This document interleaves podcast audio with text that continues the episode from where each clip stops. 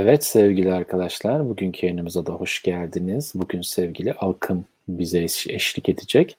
Alkım'ın uluslararası işe alım uzmanı. Yıllardır bu sektörde çalışıyor. İnanılmaz e, tecrübesi var bu konu hakkında ve bu işe alım konularında yurt dışında yaşam ve yurt dışında e, kişilerin işe alım prosedürleri hakkında bize e, çok güzel bilgiler verecek bugün.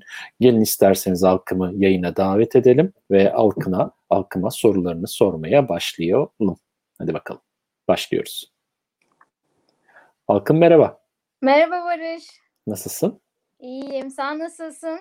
Sağ ol ben de iyiyim. Teşekkür ediyorum yayına geldiğin için. Ee, ben teşekkür ediyorum.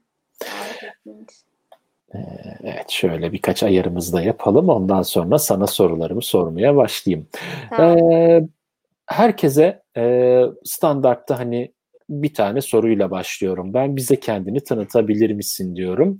Hatta bunun üzerine ekstra olarak şunu da sormak isterim. Senin kendi yurt dışı serüveninde nasıl başladı? Bununla e, programımızı açalım istersen. Tamam anlaştık. Ee, şöyle aslında Eskişehirliyim diye başlayayım. Ee, yani çok uzun yıllar oldu. 2003'ten beri e, işe alımdayım. Ben işe alımcıyım aslında. İnsan HR'cıyım demiyorum o e, işe alımcıyım diyorum hep kendimi tanıtırken.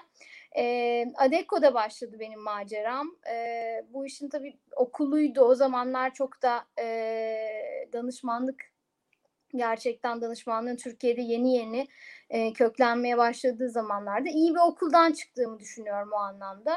Sonrasında işte Doğan Yayın Holding, e, ondan sonra Avea var çok uzun yıllar. Avea ile birlikte e, teknik işe alımla tanıştım. E, ve aslında başka bir tutkumu keşfettim. E, sonrasında BAT var. BAT'de işte global işe alımla tanıştım. Orada daha başka bir tutkuyu keşfettim. E, derken bu tutkuları birleştirmek için aslında kendi ayaklarım üzerinde durmaya karar verdim. Ee, yaklaşık bir beş, aslında beş buçuk sene oldu. Şöyle bakınca bana gerçekten söyleyince uzun geliyor. Ee, ve kendi e, şirketimi kurmaya karar verdim. Aslında e, önce e, uzun bir zaman freelance devam ettim. Sonra Kirila'yı kurdum Karadağ'da. Aslında Karadağ ile birlikte, Kirila ile birlikte benim de yurt dışına açılan kanatlarım bu arada. Kirila aslında Sırpça kanatlar demek. Ee, benim yurt dışına açılan kanatlarımdı. Çok seviyordum seyahat etmeyi. Her zaman çok tutkuyla seyahat ettim. Ee, ve aslında çok bir ayağım buradayken çok gide gele gide gele e, bir şekilde de şu anki eşimle de tanıştım. E, ve e, yaklaşık bir buçuk senedir de e, İsviçre'de e, Lozan'da yaşıyorum. Ya süper, süper. Ee, Türkiye, Karadağ, ondan sonra da İsviçre'ye o zaman bir yolculuk olmuş senin. evet. Evet harika, harika. Doğru. Benimkisi de Türkiye, arada bir Azerbaycan biliyorsun eşim Azeri doğru, olduğu doğru, için gelmeler falan. Ondan sonra İngiltere. Öyle. Yani aslında yurt dışına ayağını bir şekere atınca ondan sonra sürekli o yurt dışı bağlantıları hiç kopmuyor. Bilmiyorum. Genelde insanlarda hep ben bunu görüyorum. Yani gezmenin haricinde yurt dışında yer alıyorsan mutlaka bir bağların kökenin oluyor ve mutlaka sık gidip gelmen gerekiyor. En sonunda da yerleşiyorsun zaten. İlginç evet. bir durum var. Hep, hep dikkatimi çekmiştir bu durum. Evet o tozu yutuyorsun galiba bir şekilde. Aynen aynen öyle e, bir durum var gerçekten. Peki o zaman aslında şu soruyu sorayım sana madem öyle tam da hani noktası da geldi. Sence yurt dışında yaşayanlar mutlu mu? Yani bizler, sen, ben, bizler mutlu muyuz yurt dışında yaşamaktan yoksa vatan özlemi çekiyor muyuz? Yani e, aslına bakarsan Barış e, giderken e, yurt dışına niye gidiyorumu bence iyi tanımlamak gerekiyor. Hani mutluluk için. Birçok insan yani farklı sebeplerden gidebiliyor. Çok biliyorsun uzun yıllardır e, hani bu konuda birçok adayla e, çalıştım. Birçok adaya da ön ayak oldum ama e, doğru tanımlamayı yapmak çok önemli. Ben biliyordum bir gün yurt dışında yani tamamen yurt dışında yaşayacağımı. Çünkü Türkiye'deki hayatımda artık böyle yarı orada yarı burada e, geç, geçiyordu son zamanlarda ve hani buradayken çok mutluyum. Türkiye'ye geldiğimde de çok mutluyum şu anda tabii. Aslında bence burada yaşamaya başlayınca Türkiye'nin de değeri de arttı benim gözümde. Oraya her gittiğimde de çok gerçekten keyif alıyorum. Çünkü e, Türkiye bir turist olarak gerçekten muhteşem bir yer. Yani e, sen de eminim bunu şey yapıyorsun, e, deneyimliyorsun gidip geldikçe. E, o yüzden aslında eğer doğru tanımlamayı yapmışlarsa ben şahsım adına mutluyum. Benim tanıdığım insanlar ve birçok arkadaşım benim yurt dışında onlar da mutlu. Ee, ama bu insanlar doğru tanımlamayı yaparak giden insanlar. Yani beklentilerini e, belirleyerek giden insanlardı. E, eğer yani ben her zaman şunu söylüyorum. Mesela bir kaçış olmamalı yurt dışına gitmek. Hani bir alternatif olmalı. E, farklı bir yaşam alanı e, yaratmak adına gidilmeli. Bir hedef olmalı orada. E, o zaman bence e, mutluluk e, çok da uzak değil yani. Aynen öyle. Aynen öyle. Ee, yani herkesten e, şeyine değişebilir. Yani şimdi bazıları işte evlenip gidiyorlar, bazıları iş için gidiyorlar, bazıları çoluğu çocuğu aman yurt dışında okusun bari bir şey o e, yurt dışındaki e, eğitim öğretimden faydalansın diye gidiyor. Herkesin gidiş amacı farklı. Tabii. Ama en yani nihayetinde yurt dışında yaşayanlar mutlu mu? Valla mutlu olmaya çalışıyorlar öyle diyelim. Yani sonuç itibariyle e, mükemmel bir şekilde mutluluk diyemem. Sonuçta illaki vatan e, özlemi ya da akrabalara olan karşı olan bir özlem mutlaka oluyor. Tabii, yani içinin bir yerinde oluyor. E, ama onun haricinde evet tabii ki e, yurt dışında olmanın kendine göre avantajları da var. Evet. Şimdi sanıyorum yani bu zaten sadece yurt dışı ile ilgili değil. Yani Türkiye'de yaşarken de mutsuzluklarımız Tabii. var. Türkiye ile ilgili de mutsuzluklarımız var. Oradaki hayatla ilgili de mutsuzluklarımız var. Belki orada sevdiğimiz insanları yüzde yüz doğru kaliteli vakit ayıramamakla ilgili de mutsuzluklar var. Buraya geldiğinizde tabii uzaklıkla ilgili burada tabii ki e, işte göçmen olmak yurt dışında ayrı bir e, konu zaten. E, ona hazırlıklı olmak e, da gerekiyor. E, dolayısıyla biraz bilerek, araştırarak gittiğiniz zaman daha ayakları yere basan beklentilerle gidenler sanıyorum ki daha mutlu oluyorlar. En azından benim gözlemim o. Doğru doğru ama yani burada benim hani dikkatimi çeken bir nokta da e, gideceğiniz ülkenin diline ve kültürüne yabancı olmamak. Yani kültür de mutlaka önemli dille beraber ama dil çok önemli. Çünkü ben de ilk İngiltere'ye geldiğim zaman e, Scottish aksanı böyle ne bileyim işte Galler aksanı ya da İrlandalı birinin İngilizce konuşmasında onlarla konuşurken diyaloğa gider girerken zorlandım yani bayağı zorlanıyordum. Evet, tabii, tabii, Çünkü bizim bildiğimiz o pür aksan yok Ayrıca biz İngilizceyi Amerikan aksanı olarak biliyoruz aslında. Hı. Özellikle Türkiye'de yaşayan, Türk Türkiye'deyken Amerikan filmlerinden şeyden. İngiltere'ye gelince İngiliz aksanı şokuna yaşıyorsun aslında İngiltere özelinde konuşursan. Ve e, bu da aslında baktığında bayağı bir bariyer olabiliyor belli bir süre. Bir 6 ay falan e, benim alışma sürem sürdü. Bilmiyorum senin durumun nedir ama ben 6 ay bir zorlandım aslında. Yani e, İngiliz İngilizcesi çok gerçekten başka bir olay işin açıkçası. Ben şu anda çok globalde çalıştığım için yani İngiltere'de de adaylarım oluyor vesaire. Yani Hindistan'la da bir anda bir mülakatı Hindistan'la yapıyorum mesela. Onun İngilizcesi apayrı bir İngilizce. Ondan sonraki mülakatı İngilizle yapıyor olabiliyorum. Ee, biraz hani o geçişleri alıştım. Çok zorlandığım zamanlar tabii ki oldu benim de. Günün sonunda bizim konuştuğumuz ve kullandığımız İngilizce evet dediğin gibi daha aksansız bir İngilizce. Bu, bu gerçekten bir konu. Ee, ama işin açıkçası ben mesela bir televizyon dizisi, pür İngiliz bir televizyon dizisi izlerken e, kendi İngilizcemden şüphe ediyorum yani şu anda e, yani çok yüzde 95 oranında günlük hayatımda İngilizce kullanıyor olmama rağmen. Tabii tabii mutlaka mutlaka bilmediğimiz aksanlar kelimeler. kelime, aksanlar. kelime haznesi de çok farklı. Tabii tabii tabii tabii aynen öyle. Yani bölgeler arasında kelimelerin telaffuzlarının değişmesinden ziyade kelimelerin kendisi de değişiyor. Evet. Yani evet. E, komple e, bir farklılık olabiliyor. Kesinlikle. Ee, bu da bu şekilde. Sorularımız da gelmeye başladı. Birazcık sorular biriksin. Soruları hani ilerleyen zamanda soruyor olacağım. Tamam. Ee, sorular gelirken ben aslında asıl konumuza direkt de giriş yapmak istiyorum artık ve asıl konumuz olan bu hani yurt dışında işe girmekle alakalı olan soruları artık sormaya başlayayım. Şimdi iki yönlü bir soru sormak istiyorum sana. Birincisi Türkiye'de yaşayan biri olarak yurt dışında nasıl iş ve sponsor bulurum? İkincisi yurt dışında yaşıyorsam yani Fransa'da, Almanya'da, İtalya'da, İngiltere'deysem e, gene burada iş bulmak için ne adımları uygulamam lazım? Böyle iki yönlü bir soru sormak istiyorum sana. Cevabı uzun olacaktır tahminimce ama senden bu trikleri alabilirsek çok Tabii. seviniriz gerçekten.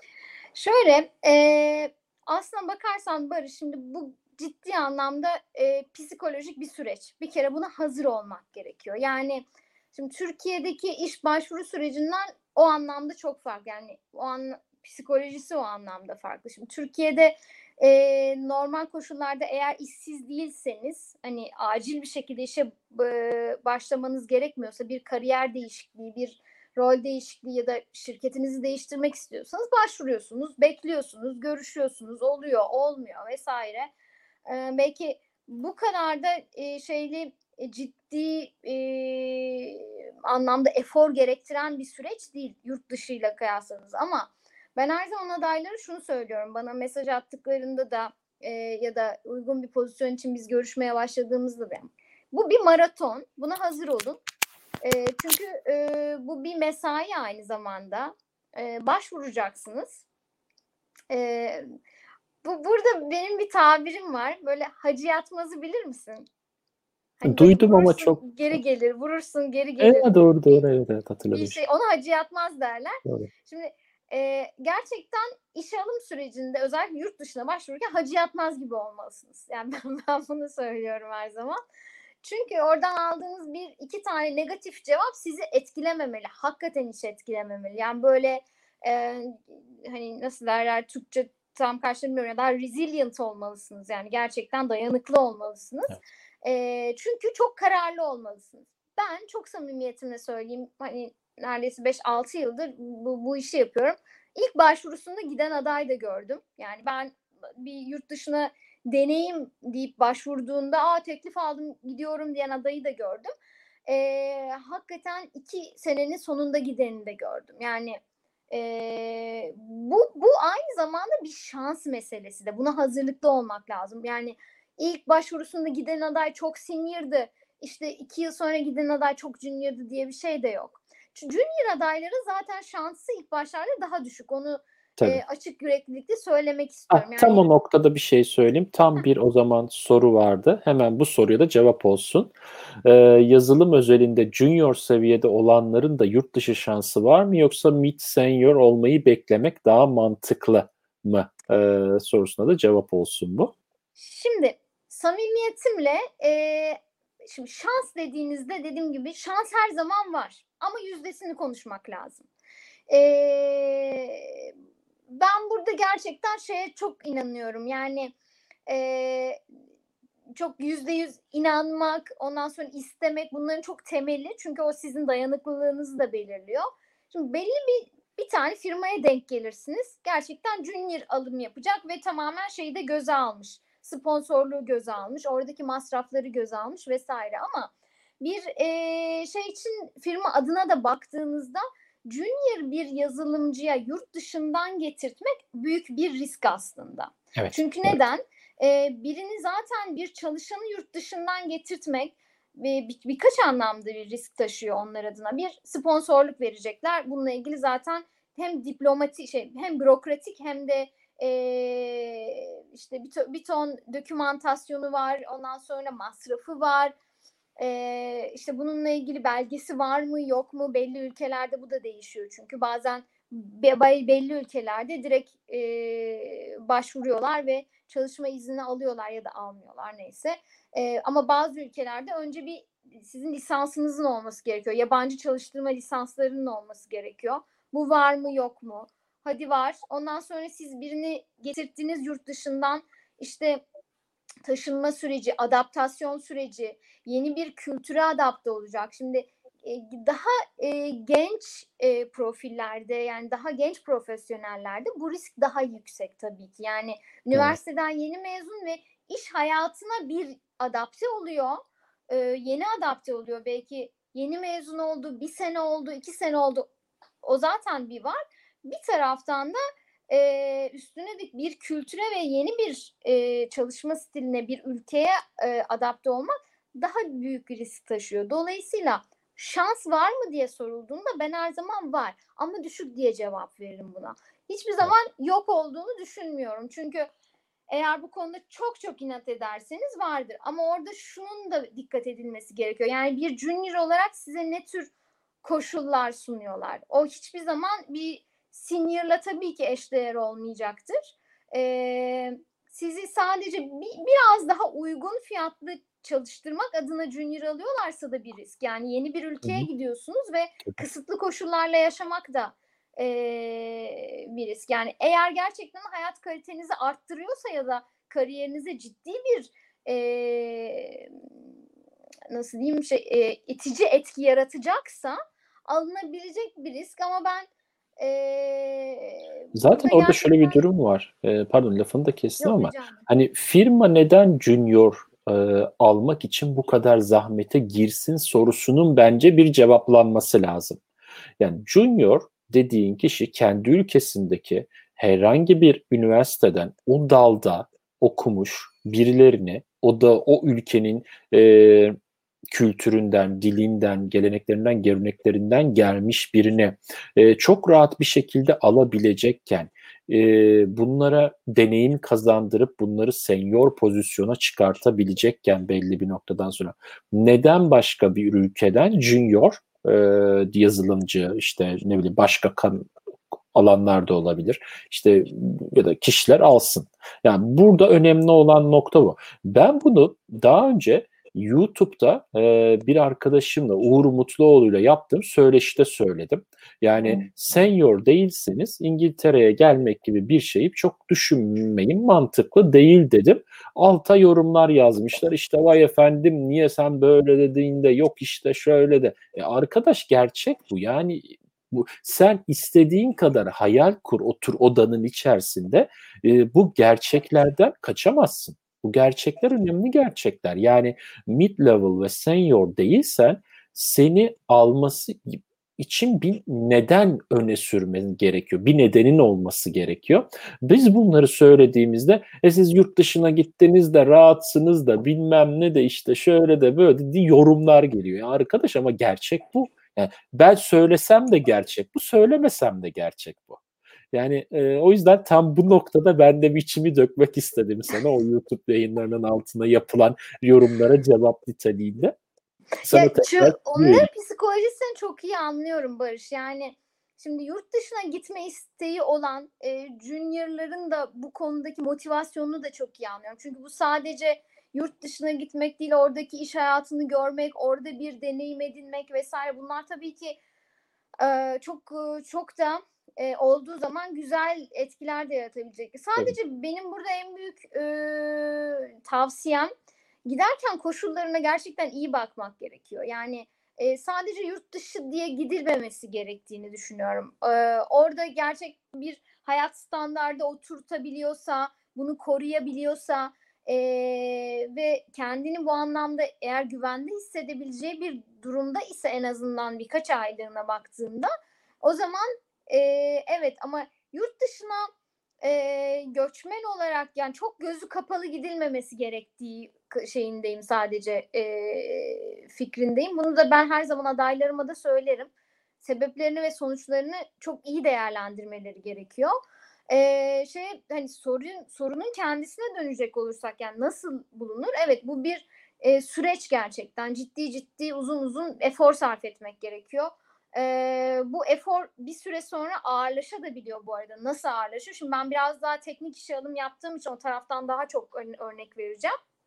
Bu arada e, yani teknik işe alımın yüzdesi biraz daha fazla tabii yurt dışında. Yani teknik tabii, profillerin kesinlikle. yurt dışına gitme ihtimali daha yüksek.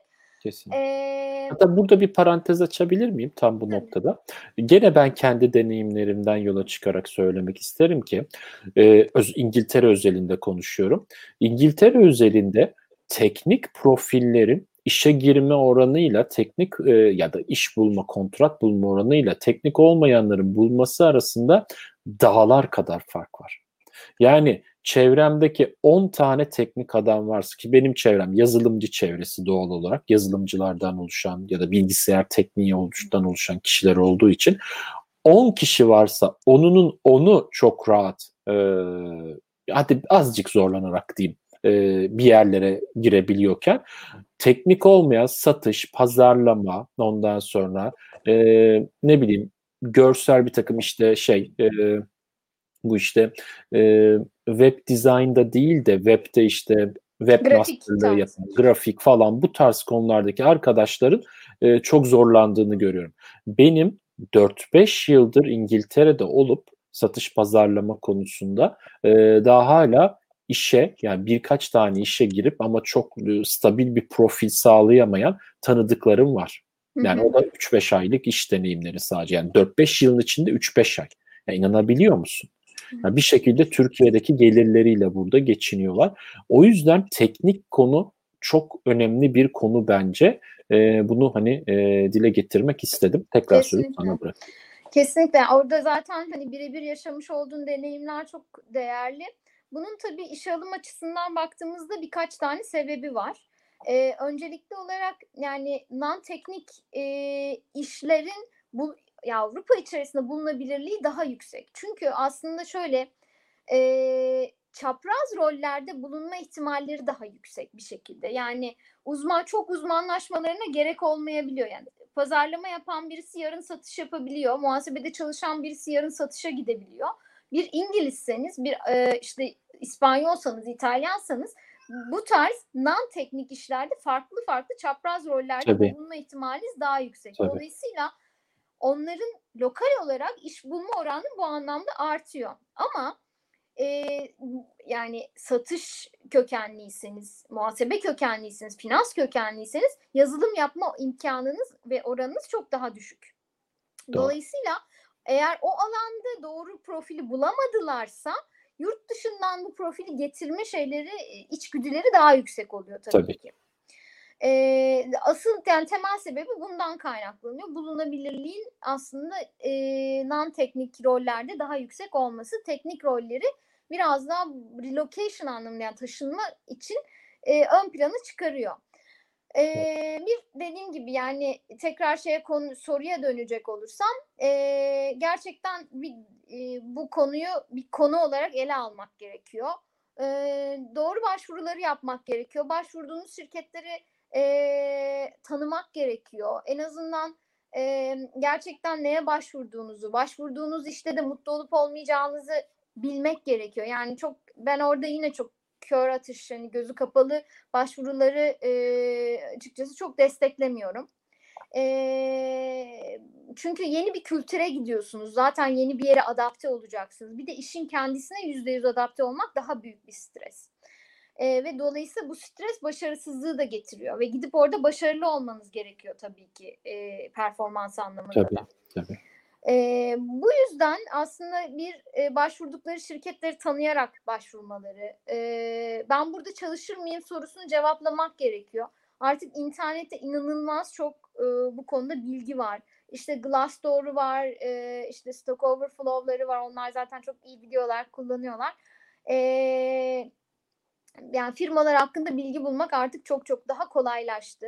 Doğru. Ee, bunun haricinde bu bir mesai haline alıyor bir süre sonra. Çünkü bu teknik e, rollerde başvurduğunuz zaman e, mülakat için davet edildiğinizde e, akabinde işte teknik challenge'lar gönderiyorlar, testler gönderiyorlar. Bunlar da bir sürelerini alıyor. Dolayısıyla başvururken aslına bakarsanız gerçekten istediğiniz yerlere başvurmalarını bu yüzden çok e, öneriyorum. Çünkü üç tane bir, bir, bir taraftan da genellikle zaten 9-6 çalışıyor oluyorlar. E, o hafta içerisinde üç tane firma, üç tane challenge gönderdi. Hepsi de işte cuma gününe bu challenge'ı istiyor. E, hepsine fokus olmanız gerekiyor. Çünkü o challenge'ı en mükemmel haliyle göndermeniz gerekiyor. En e, verimli anınızda bunu yapmanız gerekiyor. E, ve bu mü- mümkün olmuyor. Bu yüzden de e, doğru zamanlamayı yapmadıkları zaman da çok fazla kayıp olabiliyor. Çünkü e, Avrupa e, özellikle yani ben Amerika'da çok uzman değilim. E, hani bir iki tane orada şeyim var. O yüzden çok Amerika özelinde konuşmayacağım ama Avrupa özelinde bakarsak gerçekten testlere, teknik challenge'lara, e, yeri geldiğinde hackathonlara çok değer veriyorlar. Kesinlikle. Bunlara da hazırlıklı olmak lazım. Kesinlikle kesinlikle. Yani ben şunu e, birebir gözlemlemiş biri olarak söyleyebilirim ki hani etrafımda çok .NET ve Java developer arkadaşım var. .NET ve Java developer arkadaşlarım işe başvurduklarında %99 oranında mutlaka onlara bir test geliyor. Bu testi yapmaları isteniyor ve anlattıklarına göre bu testlerde zaman kısıtı da var. Yani atıyorum bu soruyu 3 dakika, bu soruyu 5 dakika Tabii. içinde yapman lazım. O testler öyle testler ki işte e, yani sizin kod bilginizi ölçmek amaçlı testler sizden kod yazmanız, örnek kod yazmanız ya da oradaki kodda bir şeyleri değiştirmenizi istiyor. Doğal olarak baktığınızda eğer siz firmaya ulaştınız bir şekilde Hadi Hı-hı. Alkım vasıtasıyla siz firmaya ulaştınız. Alkım size bir tane mülakat ayarladı. İlk sözlü mülakat hadi diyelim ki atlattınız. Ve bu sefer akabinde ne gelecek? Size mutlaka bir test gelecek. O testi de e, yapabilecek bilgi, birikim ve beceride olabiliyor olmanız gerekiyor e, diye söylemek istiyorum. Kesinlikle. Yoksa başarısız bir aday olacak ve herkesin zamanı da boşuna e, aslında gitmiş olacak burada. Yani Alkım gibi e, agency'lerin zamanı boşa gidiyor. Oradaki işe alımdaki kişiler sizle mülakat yaparken zamanı boşa gidiyor. E, sizin zamanınız boşa gidiyor. İşte bu yüzden aslında ben dedim ki junior olarak değil daha senior olarak mutlaka başvurmak daha mantıklı. Çünkü senior oldukça, seviye arttıkça o soruları daha rahat bir şekilde çözebilir hale geliyorsunuz diyerek ben de bu konuyu bağlamış olayım. İstersen birazcık sorulara bakalım. Çünkü bakalım. E, şey bayağı bir soru birikti. Hemen şuradan yukarıdan e, soruların sırasıyla şöyle bir gelmek isterim. Şunu aslında yayın e, şey yaptık gibi hani junior mu senior mu konusu yani senior konusunda mutabıkız. Ondan sonra Halkım Hanım yurt dışı firmaları remote çalışmaya sıcak bakıyor mu? Bakış açıları nasıl? Şeklinde bir soru var. Ee, bakıyorlar kesinlikle. Ee, bu tabii şu, yani Covid e, Covid sürecinde tabii ki yüzde yüze e, ulaştı diyebilirim. Ama ama bir parantez açmakta fayda var. Hala e, yani geleneksele dönme eğilimi olan birçok da firma var. Dolayısıyla e, şu anda Covid sonrasında pozisyonlar gerçekten yüzde yüz remote arttı ve Avrupa'daki bütün şirketlere işte dünyanın her yerinden işe alım yapıyoruz diye bir dünya yok. Ee, yine near shore e, dediğimiz yakın çevrelerden e, işe alım yapmaya devam ediyoruz. Çünkü bunun sebebi e, Covid sonrasında ofiste olabilme ihtimalini hala değerlendiriyorlar. Kesinlikle. Bu yüzde yüz değil. Yani tabii ki e, bunun e, bu dünyanın e, dijitale gittiğinin artık e, yani uzaktan çalışma remote'un da hayatımızda bir seçeneğin de dışında bir gerçek haline e, geldiğinin de farkında olan firmalar var. Bunlar daha inovatif, daha yenilikçi, daha genç nesiller ama yani bir takım şirketler halen daha gerçekten ofiste olmanızı istiyorlar.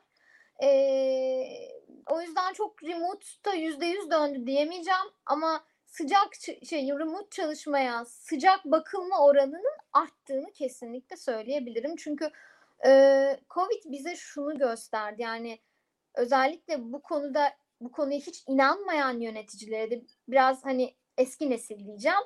E, eski nesil yöneticilere de bunun var olabileceğini, bunun verimli olabileceğini e, işte e, aslında bunun da bir yöntem olabileceğini kanıtlanmış oldu.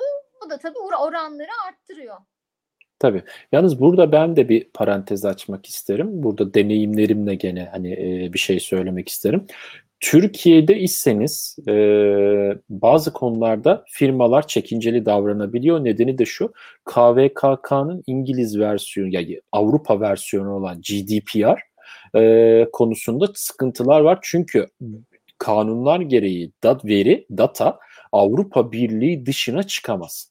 Eğer siz Türkiye'de çalışıyorsanız ve Avrupa Birliği içindeki bir firmanın verileriyle uğraşıyorsunuz, doğal olarak oradaki verinin yurt dışına çıkması gibi bir durum söz konusu olabilir.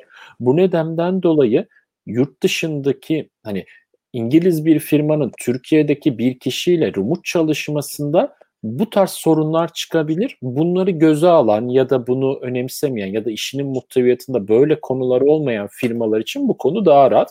Ama bu da aklınızda bulunsun. Böyle bir gerçek de var Avrupa özelinde. Ee, bunu da kenara koyun lütfen e, bu konuyla ilgili. Evet. Evet, bir sonraki sorumuza bakalım. Burada üç tane soru varmış. O zaman hızlı hızlı cevaplandıralım bunları. Yurt dışında bir kurumda yabancı dil bilmeden nasıl çalışılır ve dil öğrenilir? Birinci soru bu. İstersen buna cevap verelim. Ee, şimdi Betül'cüm e, işin açıkçası hani hiçbir yabancı dil bilmeden e, bence çalışılmaz. Yani çalışılmamak Yani çok çok zor belli. Yani Evet. İngilizce hani şunu anlarım. Hani Almanca bilmeden Almanya'da nasıl yaşarım konusunu cevaplayayım ama İngilizce dahi bilmeden e, yurt dışında yaşamak gerçekten çok zorlu bir konu. Yani işin açıkçası e, bu sadece e, dil bilmekle ilgili değil, o kültüre adapte olmak. Yani bunu şöyle de düşünmek lazım. Ben bu konularda biraz daha gerçekten ayağa yere basan e, hani yorumlar e, yapmayı tercih ederim. E, bir e, Allah korusun yani bir emergency anında bir acil bir e, durum anında hastaneye gittiğini varsay e, hani kendi derdini anlatamadığın anda gerçekten her şey çok zorlaşacak. E, Kesinlikle. işte sokağa çıktığında restoranda anlaşmak bir konu. Dolayısıyla en azından orada ben her zaman e, kendi e, yani yerel diller için de bunu söylüyorum. Yani ben işin en e, doğru tarafı nedir? Bence iyi bir İngilizceyle lokal dilleri de belli bir seviyede bilerek gitmek en e, mükemmel senaryo. Yani tabii ki ikinci bir e, advanced seviyede bir diliniz varsa o başka daha da iyi bir senaryo ama en azından İngilizceyi gerçekten iyi seviyede konuşup onun üzerine de lokal dili bir merhaba nasılsın su istiyorum işte canım acıyor yani öldüm kaldım diyebilecek seviyede olmakta fayda var diye düşünüyorum. O Kesinlikle. yüzden e, yani hiç sıfır dil bilmeden gidip dil öğrenmek çok zor. Bunun psikolojisi çok zor. Yaşam e, süresince verdiğin savaş çok zor. O yüzden değmez ona o kadar. E, burada birazcık yani Türkiye'deyken İngilizce öğrenmek o kadar da zor değil. E, ben Türkiye'de çok iyi İngilizce bilen, İngilizcesini çok iyi ayakta tutmuş insanlarla tanışıyorum halen daha. E, gerçekten İngilizce dizi izlemek bile insanı bir anlamda geliştiriyor. Birazcık çabayla bence e, o seviyelere gelmekte çok çok da zor değil aslında. Hemen ikinci soruya geçeyim. Hı hı. Ee, yeni mezunum ve bölüm dışında iş yapıyorum. Kendi alanım için sıfırdan hem iş tecrübesi hem yeni bir ülkede dil bilmeden kendimi dil konusunda ilerletirim. Herhalde nasıl ilerletirim ee, olacak ee, bu soru diye düşünüyorum. Üçüncü Ee, soru. üçüncü soruda nasıl yurt dışında bir kuruma başvuruda bulunabilirim? Bu rotamı nasıl belirleyebilirim? Ee, şimdi tabii bu çok genel bir soru işin açıkçası. Ee, sadece Avrupa için şöyle genel bir cevap vereyim. Avrupa için e, aslında e, nereden mezun olduğunuzun çok çok da bir önemi yok. Ee, Burada yaptığınız işte iyi olup olmanız gerçekten daha büyük değer kazanıyor. Yani Japon dili ve edebiyatı mezunu olup e, dünyanın sayılı e, işte e, şeylerinden e, yazılım mimarlarından olan insanlar tanıyorum. Benim işletme mezunu olup yazılım mimarı olmam gibi. Mesela mesela yanımızda aslında örneği Hı hı. doğru söylüyorsun. Ee, mesela ben o kadar uzun yıllardır Barış'ı tanıyorum ki hiç aklıma gelmedi işletme mezunu. Benim için çok yüzde yüz teknik bir insan çünkü kendisi. Yani evet. Ee, dolayısıyla e, bunun çok önemi yok. Yani ama yaptığın işte ya da bir şu, yani soruda bu çok açık olmadığı için birebir bir cevap veremiyorum ama e, ne yapmak istiyorsan o alana birazcık fokus olman, orada biraz e, daha geliştirmen ve tecrübe sahibi olman lazım. İşin açıkçası e, şu çok mantıklı değil. Yani yeni mezun oldum. E, işte e, hiç dil bilmiyorum. Bambaşka bir iş yapacağım. Burada seni işe almak da onlar adına çok mantıklı değil. Çünkü e, yurt dışına gitmeyi sadece kendi gözünüzden bakmayın. E, şey, kendi gözünüzden bakın tabii ki de. Bunu sadece e, iş bir iş bulmak ve gitmek olarak bakmayın. Bunun tabii. psikolojik taraflarını çok iyi değerlendirmek gerekiyor. Oradaki kültüre adaptasyon, insanlara adaptasyon, dile adaptasyon işte yani Barış'ın verdiği örnek gibi çok değerli. İngilizce bilseniz bile e, aksana adaptasyon. Şimdi şu anda ben e, İsviçre'de yaşıyorum. E, çok uzun yıllardır iyi seviyede İngilizce biliyorum. E, ve aslında bir intermediate seviyesinde şu an çok da aktif kullanamadığım bir Fransızcam var. Bulunduğum bölge Fransızca konuşuyor. Ama e, İsviçre'nin çok genelinde Almanca olduğu için örnek veriyorum işte çamaşır makinesi bile burada Almanca e, şey yapmak, translate ettirmek zorunda kalıyorum telefonda bazen kullanırken. Şimdi bunların hepsi e, gerçekten e, sizin hayatınızı etki eden konular. Yani sokağa çıktığınızda tek başınıza bir kahve içmek istediğinizde bir e, metrobüse binmek, şey metrobüs diyorum, metroya binmek istediğinizde me, memleket hasreti görüyorsunuz. Burada. Tabii aynen aynen kesinlikle. metroya binmek istediğinizde bir şeyler e, bir şeyleri kendi kendinize yaparken o dilin rahatlığı çok önemli bir şey kendinize anlatabiliyor olmak. O yüzden de ben e, bu konuda gerçekten en azından bu söylediklerin içerisinde dil yetkinliğini gerçekten önemli buluyorum. Onun dışında yani yurt dışında birçok iş yapılabilir. Yani neden bahsettiğini çok net bilmediğim için bir cevap veremeyeceğim. Anladım. Ha şeymiş halkla ilişkiler ve tanıtım mezunuyum ama sağlık sektöründeyim demiş Betül Hı. sonradan yazmış. Ee, yani bir nebze. Ee, biraz. Yani sağlık sektöründe çok Sağlık sektörü bir de sıkıntılı. Bak ben orada sana şunu söyleyeyim.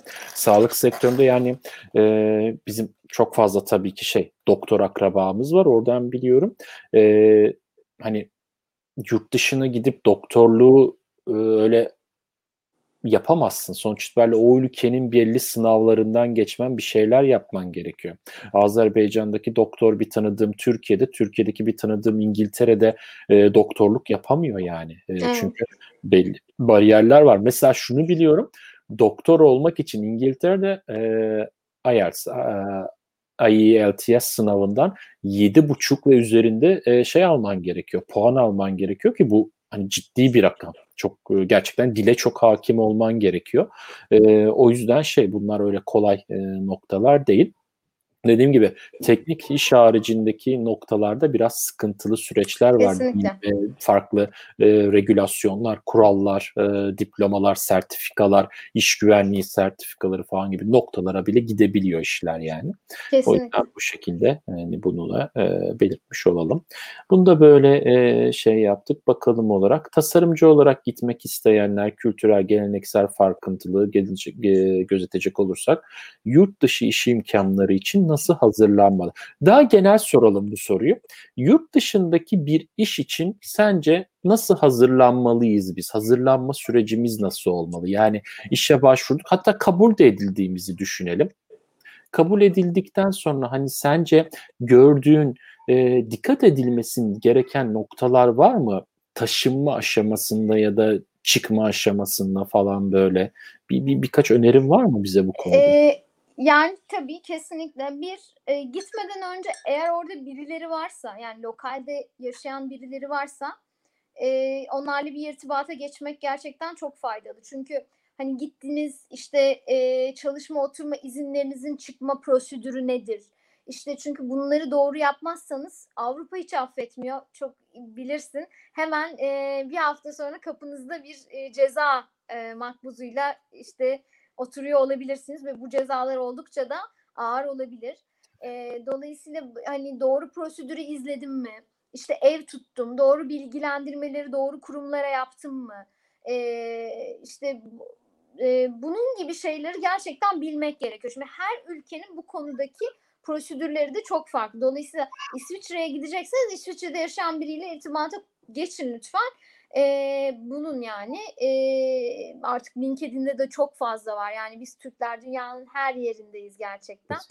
Ee, bunun avantajını kullanın arkadaşlar. Türk olmanın avantajlarını. Kesinlikle bir Türk bulursunuz. Hadi geçenlerde İngiltere'nin güneyinde Biggin Hill diye bir tane böyle kasaba var İngiltere'nin dışına doğru. Hani İstanbul'da Çerkezköy gibi düşünebilirsin. Orada bir takım bir şeylere bakıyordum e, yemek kültürüyle alakalı. Bir tane kebapçı gördüm. Tıkladım cacık ondan sonra yoğurt bilmem ne menüde bunlar var. Dedim Biggin Hill'de de Türk var yani.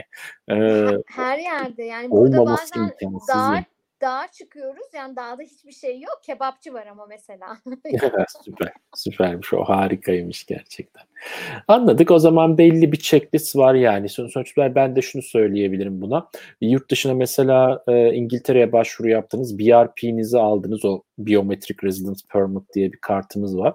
O kartı almak için işte e, atıyorum bir ay süre içinde giriş yapmış olmanız gerekiyor. Yoksa kart alamayacaksınız. Sıkıntı çıkar. Ondan sonra diyelim ki bu prosedürü atlattınız. Ee, gene benim o İngiltere'de yaşamla alakalı Uğur'la yaptığım videoda anlattığım gibi banka yani İngiltere vizesini almak kolay.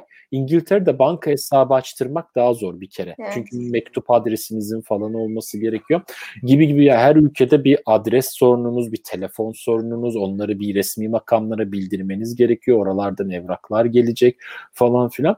Ee, geçici bir yerlere gittiğiniz zaman e, iki hafta sonra, üç hafta sonra yer değiştireceksiniz. Bunu nasıl yapacaksınız? Bayağı bir hani o ilk oturumla alakalı şeyi atlatana kadar biraz sıkıntı oluyor. Yani evet, bunu evet. E, göz önünde bulundurmak lazım. Yani bu birçok ülke için bu böyle açıkçası. Çünkü ilk gittiğinizde tabii ki hani bizim Türkiye'de belki de hiç görmediğimiz, hiç yaşamadığımız birçok prosedür Avrupa'da e, var ve gerçekten bunda çok sert e, şeylerle, hani regülasyonlarla takip ediyorlar. E, dolayısıyla hani bunları bilmek, bunları öğrenmek gerçekten önemli.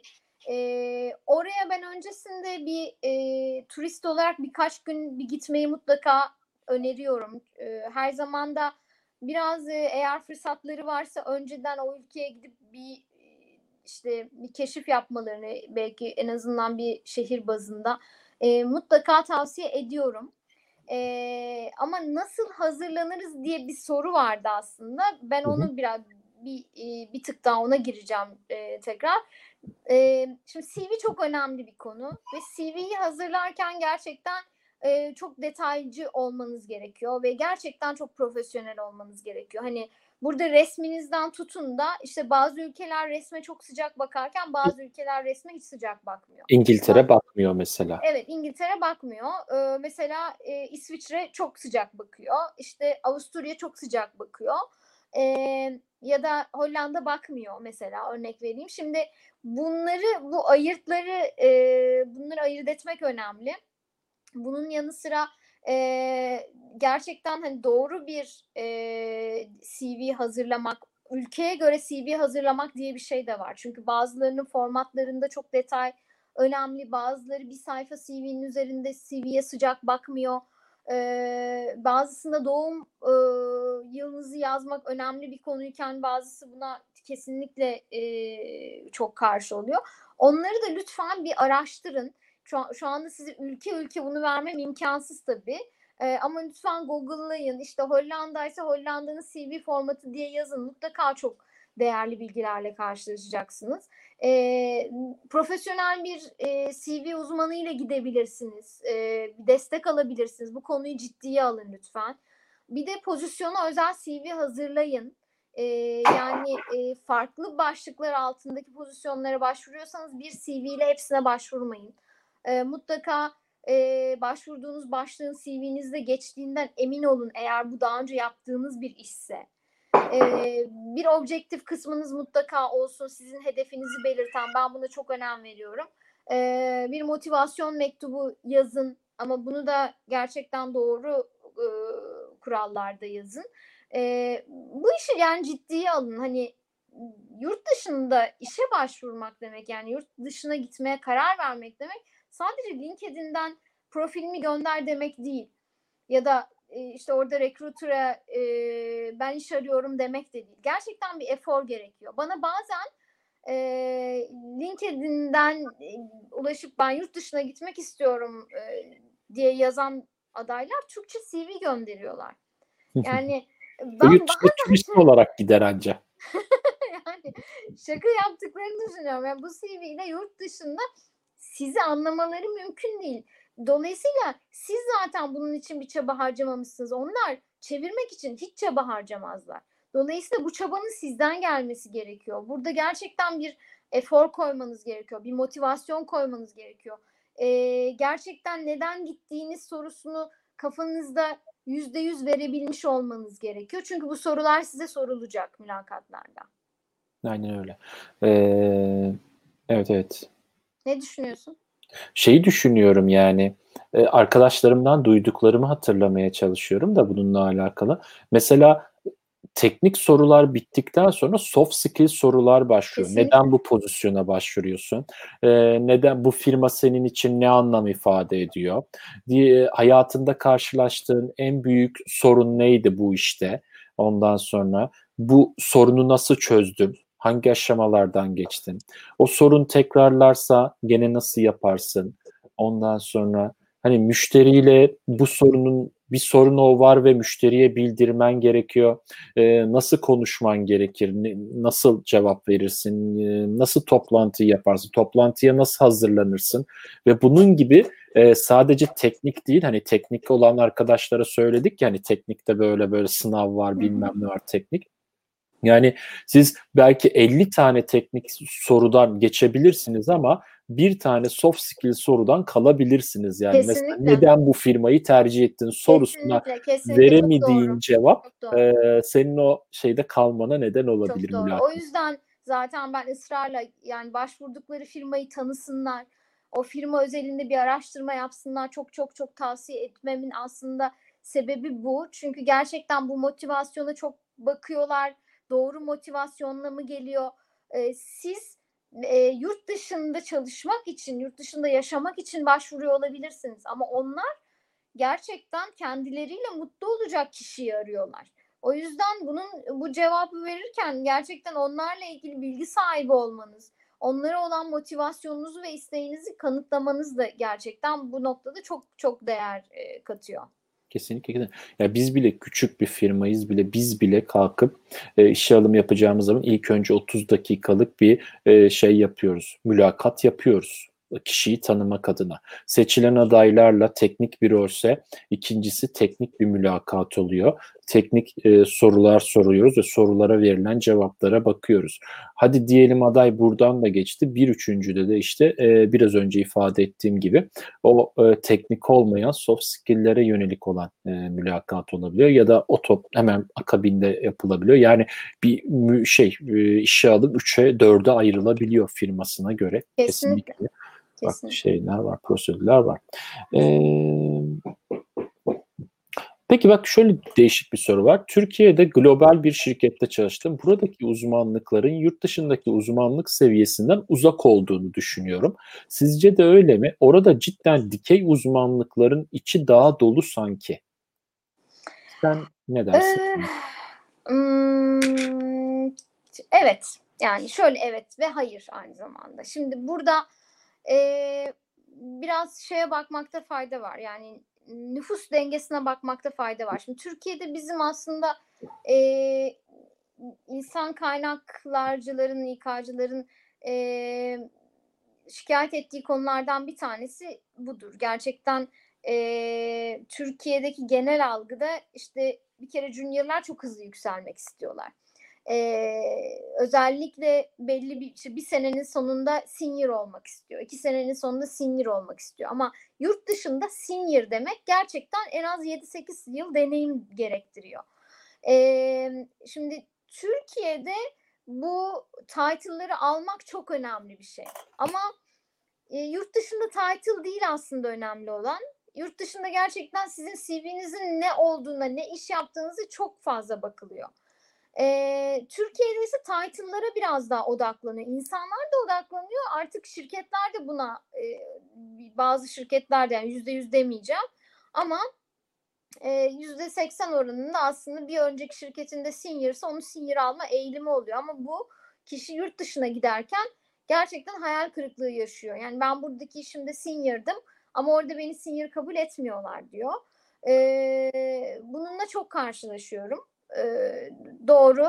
Yani yurt dışında gerçekten işinizin ne olduğu, ne kadar uzun süre o, o işte uzmanlaştığınız. Çünkü e, aslında bir title gerçekten çok kolay verilmiyor. Avrupa'daki özellikle e, eğilim bu yönde ama Türkiye'de kültürel olarak da bunu e, şey yapmayacağım, yadırgamayacağım çünkü biz o kadar motive oluyoruz ki işte e, bir işe gireyim, senior olayım, yönetici olayım, işte direktör olayım neyse bu bir taraftan tabii sosyal bir statü ve gurur meselesi de aynı zamanda. Şimdi bizim toplumumuz olarak baktığında.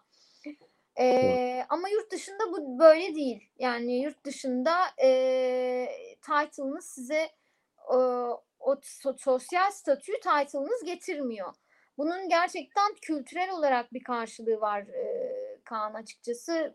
Bu tabii Türkiye gibi ülkelerde biraz nüfus yoğunluğundan da kaynaklı e, bu tarz şeylerle karşılaşıyoruz. O yüzden ben yurt dışına gitmeye karar veren adayları çok samimiyetimle hatta çok açıkça söyleyeyim benim burada direktör olan burada dediğim Türkiye'de direktör olan e, ve yurt dışına senior developer, senior technical e, olarak giden adaylarım da var yani. E, çünkü Türkiye'de bazen bu title'lar e, beklediğimizden kolay gelebiliyor. Doğru. Peki sevgili Murat'ın bir e, sorusu var. Örneğin İngiltere'de çalışmak için bir sponsor olması yani aracı bir firma olması zorunlu mu? Hayır değil aslında Ankara Anlaşması e, kapsamında olmayabiliyor. Ankara Anlaşması da bitecek bu arada tabii. Hı hı, e, yani son ayındayız. E, daha sonra gelecek olan bir puan bazlı sistemden bahsediyorum. Onun çok detaylarını daha e, oturmadı. Yani aslında yayınladılar da kimse kalkıp o bilmem kaç bin sayfalık dokümanı daha okuyup e, pratiğe dökme şansı elde etmedi. O yüzden aslında ben de yayınımı o konuyla ilgili uzman bir kişi almak istiyorum ama birazcık tabii şu anda bekletiyorlar. E, okumak istiyorlar dokümanları. E, firmaların ilanlarına başvuru yapıp iş görüşmesi gerçekleştirilebilir mi diye de bir soru var. E, yani e, buna sen ne dersin? Yani e, tabii ki e, görüşme gerçekleştirilebilir. Burada birçok adayımın yaşadığı sıkıntılardan bir tanesi şu oldu Murat. E, bir sonraki aşamada e, adaylar, şey adaylar değil pardon, şirketler bazen bu soruları ilk başta sormaya atlayabiliyorlar. Yani vizen var mı? İşte e, o çünkü çok eğer e, Türkiye, e, İngiltere ya da hani İngiltere özelinde konuşmayayım, e, diğer Avrupa için genelinde konuşayım. Çünkü İngiltere'deki Ankara Anlaşması'nın da işte biraz önce Barış'ın da bahsettiği gibi sonuna geliyoruz. Belki e, diğer Avrupa'daki gibi bir sisteme dönebilir. E, dolayısıyla başvurduktan sonra e, aslında ilk görüşmede vizenin olmadığını, bir sponsora ihtiyacın olduğunu mutlaka belirtmek gerekiyor. Ben eğer sponsorluk içermeyen bir pozisyon çalışıyorsam adaylara mutlaka başvuru esnasında dahi vizen var mı diye soruyorum. Çünkü bu adayın da vakti çok değerli. Ee, bir taraftan da umut veriyorsunuz. Ee, o umudu da vermemek e, anlamında değerli. Ee, hani elimde olmayan bir şey için e, bir e, adım atmıyorum ama e, her firma bu kadar e, dikkat yani dikkatli demeyeyim e, farkında olamayabiliyorlar ve e, bazen bu sponsorluk e, konusunu unutabiliyorlar. Yani teklif aşamasına gelip 2-3 aşamadan sonra teklif aşamasında e, vizen var değil mi diye sorulan ve hayır dediği için e, o şansı kaybeden adaylarım da var. Yani bu hikayelerde yani benim adayım değil ama daha önceki yaşadıkları deneyimlerden bu hikayeleri dinledim. E, o yüzden bu konuda dikkatli olmak lazım. Sponsorluk önemli. Avrupa'da oldukça önemli. Vizenizin çalışma vizenizin olması e, bir sponsorluk gerektiriyor. E, onun haricinde okumak için git, gide gitmiş olabilirsiniz. E, işte Yani evlilikle gitmiş olabilirsiniz ya da işe gidebilirsiniz. Üç tane yolu var. Ee, ama e, dediğim gibi bu sponsorluk meselesini en baştan gerçekten açık bir şekilde konuşmakta fayda görüyorum. Kesinlikle. Ee, yani iş görüşmesi tabii ki yapılabilir. Zaten önerdiğim bu. Ee, bence e, başvurun, çılgınca başvurun yani. Mümkün olduğu kadar çok pozisyona başvurun. Evet. Peki diğer bir soruya geçelim. Relocation aşamasında resmi süreçleri sorunsuz ve hızlı işleyen ve en çok tercih edilen ülkeler nelerdir? Nereler? Ee, şimdi yani Covid sürecini saymayalım çünkü resmi süreçler Covid sürecinde çok ciddi şeye uğradı, e, sarsıntıya uğradı diyebilirim. E, ama genel olarak aslında Avrupa e, da özellikle Kuzey Avrupa ülkeleri bu konuda çok düzenli. İsviçre çok düzenli. E, ne yapacağınız işte e, adımlarınız çok önceden belli. E, ve gittiğinizde aslında biraz daha e, önünüzü daha net görüyorsunuz. E, bu noktada devlet de sizi çok e, yönlendiriyor. E, çok komplike olmayan işlemler de söz konusu olabiliyor. Biraz da işte İtalya, İspanya gibi ülkelerin e, bir tık daha karmaşık olduğunu düşünüyorum o noktalarda. Çünkü bize çok benziyorlar bir Akdeniz ülkesi. Ama zaten şöyle oralarda çok yurt dışından hani bu Kuzey Avrupa ülkeleri kadar aday alıyor mu derseniz hayır almıyorlar onlar da. Çünkü zaten nüfusları kendilerine yeten ülkeler. Biraz daha İspanya belki. İspanya'da çalıştığım roller var çünkü. Ee, ama özellikle Kuzey Avrupa ülkelerini sayabilirim bu noktada. Avusturya'yı sayabilirim. Avusturya bu konuda oldukça düzenli bir ülke. Hollanda başta. Ee, İsviçre diyebilirim. Okay. Bir sorusu daha var arkadaşımızın. Başvuru sonucumuzun olumsuz değerlendirilmesi durumunda yine aynı firmada aynı pozisyona başvurmak için ne kadar beklemeliyiz? Belirli bir süre için olumsuz adaylar blackliste alma durumu var mı?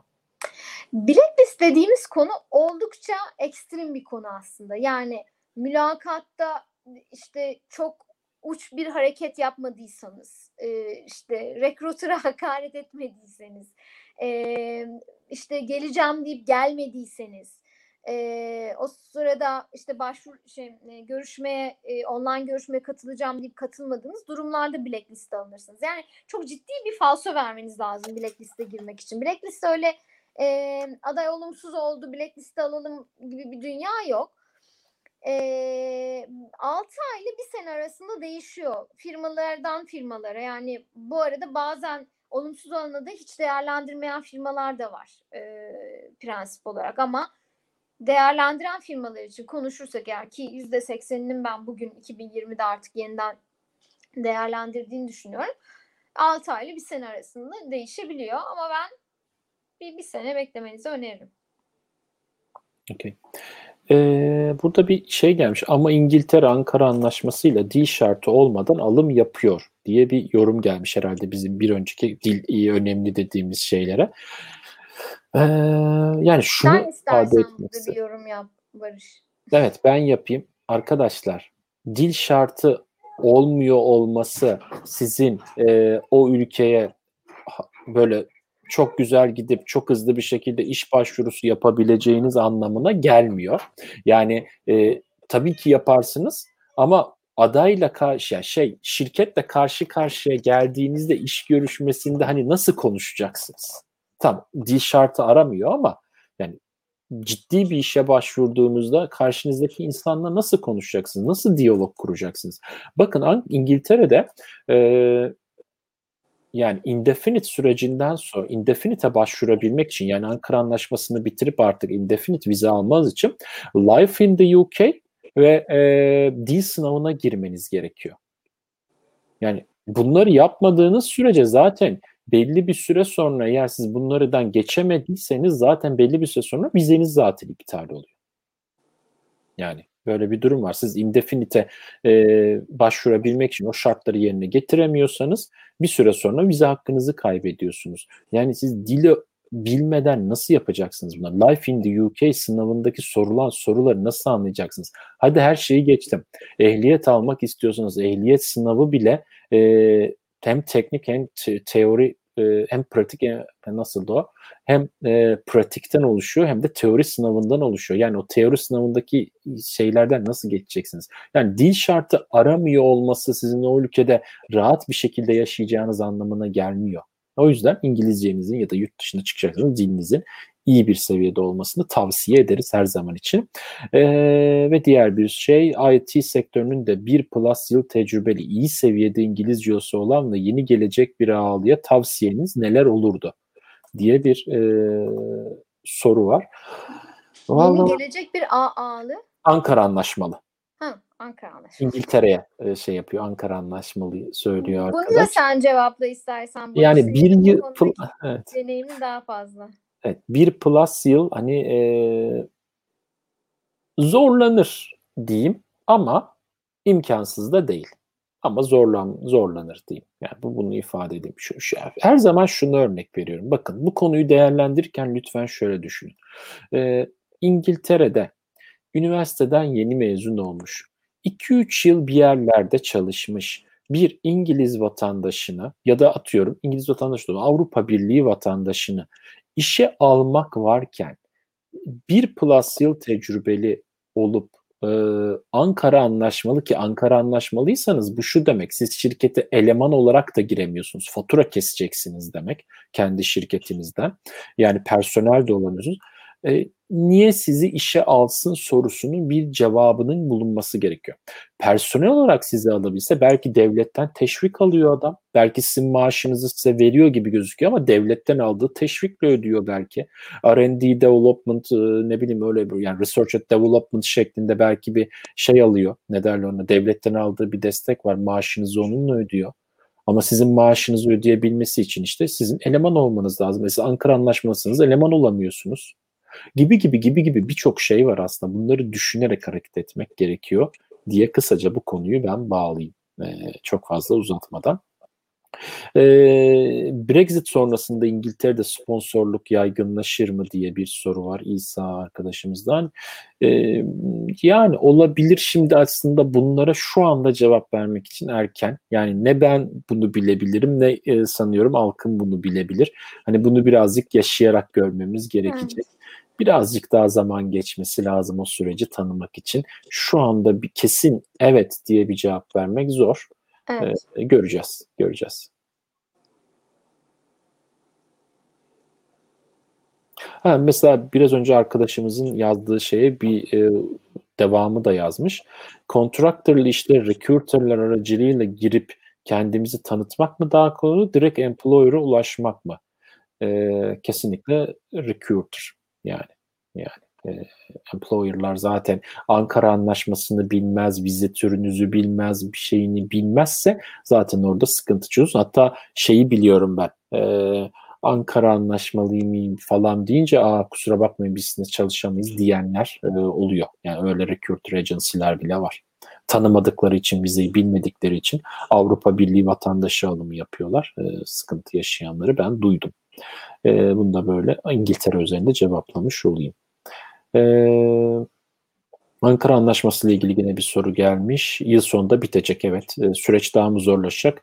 Bence aslında süreç daha zorlaşmayacak. Burada bence bir şey var. Benim kişisel görüşüm süreç daha da kolaylaşacak.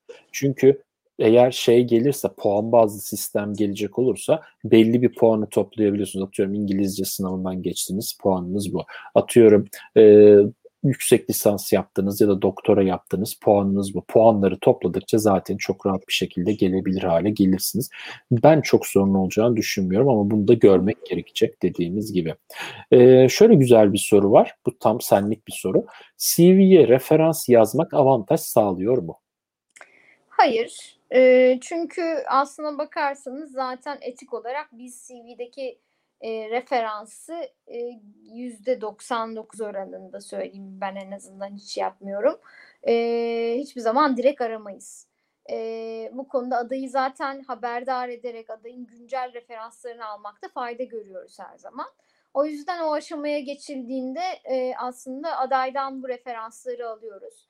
E, o nedenle hani CV'ye referans yazmış olmanız size artı bir puan getirmiyor. CV'de referanstan çok daha önemli e, içerikler var sizi puan kazandıracak.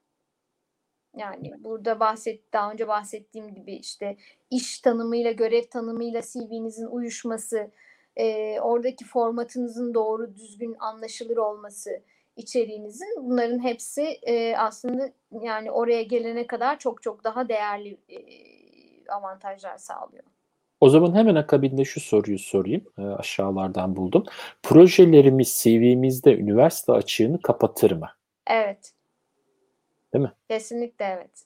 Yani aslına bakarsanız şimdi üniversite e, üniversite bir şekilde bildiğinizi bir altyapıyı e, kanıtlayan bir şey bir işverene de e, baktığımızda bir, bir işveren açısından baktığımızda e, ama projelerde bunu bunun e, üzerine de çıkabiliyor. Ben işin açıkçası bazen öyle CV'lerle öyle projelerle karşılaşıyorum ki işte çok güzel bir şekilde projeyi anlatmış, projeye link vermiş, adaya hiç ulaşmadan o projelere gidip gerçekten çok etkilenebiliyorum ve benim adıma da açıkçası e, böyle aday e, bir birkaç adım önde başlamış oluyor. Çünkü ben işleri bir önden görmüş oluyorum, etkilenmiş oluyorum. E, bunlar gerçekten sizin adınıza o anlamda avantaj yaratacak şeyler. Yaptığınız işleri gösterebiliyorsanız, paylaşabiliyorsanız bence paylaşın arkadaşlar. Bu değerli ama kullandığınız teknolojileri açıkça yazmanız önemli. E, işte e, hangi e, amaca hizmet ettiğini açıkça yazmanız önemli. E, detaylarını mutlaka belirtin. Okay, süper. Ee, o zaman şöyle bir soru gelmiş gene Ankara Anlaşması üzerinde. Nisan 2020'den sonra yenilikçi ağlar için ne gibi zorluklar bizi bekliyor olabilir?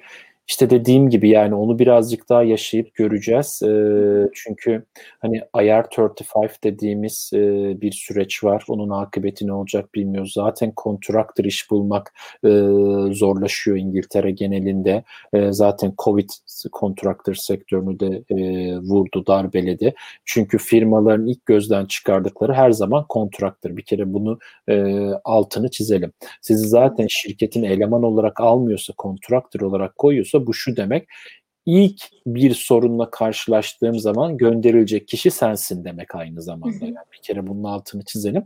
Doğal olarak orada e, bu Covid döneminde e, çoğu kişi zorlandı. Yani çoğumuz zorlandık burada İngiltere'de. İşlerimiz durdu, kontraktör olanların kontratları bitti, e, bitirildi. E, daha kontrat süresi olurken varken ondan sonra devletten alınan yardımlarla falan e, herkes burada ayakta kalmaya çalıştı yani. E, herkes bildiğim kadarıyla yardım aldı. Alamayanlar da işte bir şekilde kendilerini ayakta tutmaya çalıştılar. O yüzden şey Ankara Anlaşması için zorluklar e, her zaman var. Yani o, o şartlara göre değişir işin açıkçası. Şu anki şartlardan Nisan'daki bir şarta bir şey demek birazcık sıkıntılı. E, şöyle bir soru var en güçlü ve zayıf yanlarınız sorusuna nasıl cevap vermeliyiz? Zayıf yanım yok demek yanlış mıdır? Ben, yani, senin senin yorumun nedir buna? yani o biraz sıkıntı. Ya, şimdi aslında e, benim açımdan bu sorular farkındalık ölçen sorular. Şimdi hepimizin zayıf yanı var bir kere arkadaşlar. yani işte eğri oturup doğru konuşalım. E, yani bunu farklı açılardan da düşünebilirsiniz. Yani kendinde ben genellikle bu soruyu sormak istiyorsam benim e, çok favori sorularımdan değil ama sormak istiyorsam kendinde geliştirmek istediğin yönün nedir diye sorarım. Aslında aynı kapıya çıkıyor. Ama insanların bir tık daha rahat cevap verdiklerini düşünüyorum. E, çünkü zayıf kelimesi biraz daha negatif algı yaratıyor. E, bu açıdan bakarsanız yani kendinizde neyi değiştirmeye, neyi geliştirmeye karar ver, karar verdiğinizi e, paylaşabilirsiniz. E, İngilizceniz olabilir. Bu da bir yan. E, biraz daha derli toplu çalışmak isterdim e, olabilir. E, işte neyse kendinizde rahatsız olduğunuz ya da zaman daha iyi kullanmak isterdim. E, işte daha daha heyecansız olmak, daha sakin olmak isterdim işte ya da daha heyecanlı birisi olmak isterdim. Bunların hepsi aslında e, bir cevap. E, yani zayıf yanım e, yok. Bence hani aklınıza gelmiyorsa aklıma gelmiyor şu anda e, paylaşamayacağım diyebilirsiniz o anda tabii ki. Zayıf yanım yok çünkü bence yani hepimiz için e, mutlaka bir e, zayıf yan söz konusudur. Evet, aynen öyle. Ya önemli olan mülakatlarda e, samimiyet arkadaşlar. Yani samimiyet bir mülakattaki kilit nokta. Dolayısıyla siz aslında burada sorunun içeriğinden yani mülakatı bir test gibi algılamamanız lazım. Doğru yanlışı yok aslında verdiğiniz cevapları. Ama samimiyetinizin doğru ve yanlışı var. Karşı tarafta bir hissiyat yaratıyorsunuz. Bu hissiyat doğru veya yanlış oluyor aslında. Biz yaptığımız işe alımlarda yani teknik olarak e, matching'in bir tık daha ötesine ötesinde o soft skill'lere geldiğimiz zaman Barış'ın dediği o teknik taraf ölçüldü sonra soft skill'ler soruluyor. Biz orada hissiyatımıza bakıyoruz aslında. Sizin verdiğiniz cevaplar o hissiyatı yaratıyor. Ee, o yüzden samimiyet oradaki anahtar kelime. Doğru. Doğru. Kesinlikle öyle. Ee, peki yurt dışına direkt startup olarak nasıl çıkabiliriz diye bir soru var. Var mı deneyimin bu konuda? Yani var ama çok iyi bir fikriniz varsa tabii ki çıkarsınız. Yani Türkiye'den çok iyi startuplar çıkıyor bu arada. Şu anda gerçekten e, yurt dışında yani benim de birlikte çalıştığım çok da gurur duyduğum startuplar var. E, hani üç kişiyken tanıştığım bugün e, Berlin'de Amerika'da e, ofisler açmış yatırımlar almış milyonlarca dolar e, startuplar var yani olduğunuz yerde başlayabilirsiniz. Şimdi direkt yurt dışına çıkmak ve bir startup kurmak iki aşamalı bir zorluk süreci. Yani her zaman onu söylüyorum. Şimdi yurt dışına çıkmayı bir zorluk olarak algılamıyor genelde e, insanlar. Hani yurt dışına yani zorluk derken yurt dışına çıktıktan sonrasını zorluk olarak algılamıyorlar. Yurt dışına çıkmayı bir zorluk olarak algılıyorsunuz. Asıl ama, zorluk öbür tarafı. Asıl zorluk öbür tarafta. Çünkü çıktıktan sonra gerçekten zaten bir sürü şeyiniz var yani değerlendirmeniz gereken birçok konunuz var. Ee, bir startup kurmak demek aynı zamanda doğru çevreye de sahip olmanız gerekiyor. Yani ben iki tane arkadaşım var, bir tane de fikrim var. Bunu gideyim ben Almanya'da hayata geçireyim dediğinizde yani gerçekten oraya gittiğinizde Almanca bilmeniz gerekiyor. Kapı, bir kapıyı çaldığınızda destek almanız gerekiyor. Bir startup tek başına büyümez. Partnerlere ihtiyaç duyuyor çünkü e, doğru ve stratejik adımları Türkiye'de atıp ondan sonra yurt dışına açılmanızı ben daha mantıklı görüyorum ama tabii takdir son noktada sizin. Burada şunu belirtmek lazım yani e, startup vizesiyle yurt dışına gelmek isteyenler olabilir. Burada Hı. startup vizelerinde önemli olan nokta bir iki tane şey söyleyeceğim bu konuda. Birincisi startup'ı kurdunuz. Startup'ınız gerçekten çok iyi. O gidici belli ülkelere başvuru yapabilir ve o ülkelerin startup programları vasıtasıyla gerçekten o ülke sizi kabul ederse o ülkeye geçebilirsiniz ki yapmış örneklerini biliyorum. Türkiye'de startup'ını kurmuş, daha sonra e, yurt dışında startup'ını tanıtmış, daha sonra İngiliz hükümeti bir şekilde bu arkadaşa geliyor diyor ki yani onların tabii bir takım programlara katılıyorlar orada belli e, şeylerden sonra arkadaşa ülke vatandaşlığı ya da ne bileyim burada oturma izni bu startup'ı bizim ülkemize taşırsan bizim ülkemizden çıkan bir startup olduğunu şeklinde hani e, ilerletirsen böyle bir şey e, sana sağlayabiliriz diyorlar vatandaşlık da oturma izni. Böyle startup tanıdıklarım var benim. Yani bunun örneği var. Bu bir. İkincisi eğer paranız varsa iş gene dönüyor dolaşıp paraya geliyor. Bildiğim kadarıyla yanlış biliyor olabilirim ama benim duyduğum ve öğrendiğim kadarıyla 50 bin pound'a siz ki 50 bin pound aslında küçük bir rakam. Startup vizesi alabilirsiniz İngiltere'den ve 3 kişiyi minimum 3 kişiyi 3 yıl boyunca çalıştırmanız gerekiyor. O 50 bin poundla şirketi döndürmeniz gerekiyor. Yani 50 bin pound zaten hiçbir şeye yetmeyeceği için bu demek oluyor ki o şirketin para kazanması gerekiyor. 3 yıl sonra bir değerlendirmeye giriyorsunuz. Eğer oradan da geçerseniz 2 yıl daha bu e, şirketi ayakta tutmanız gerekiyor. Ondan sonra vatandaşlığı alıyorsunuz. Böyle bir takım prosedürler var. Startup vizesi şeklinde buna bakabilirsiniz. Minimum 50 bin pound yatırım yapmanız gerekiyor şeklinde.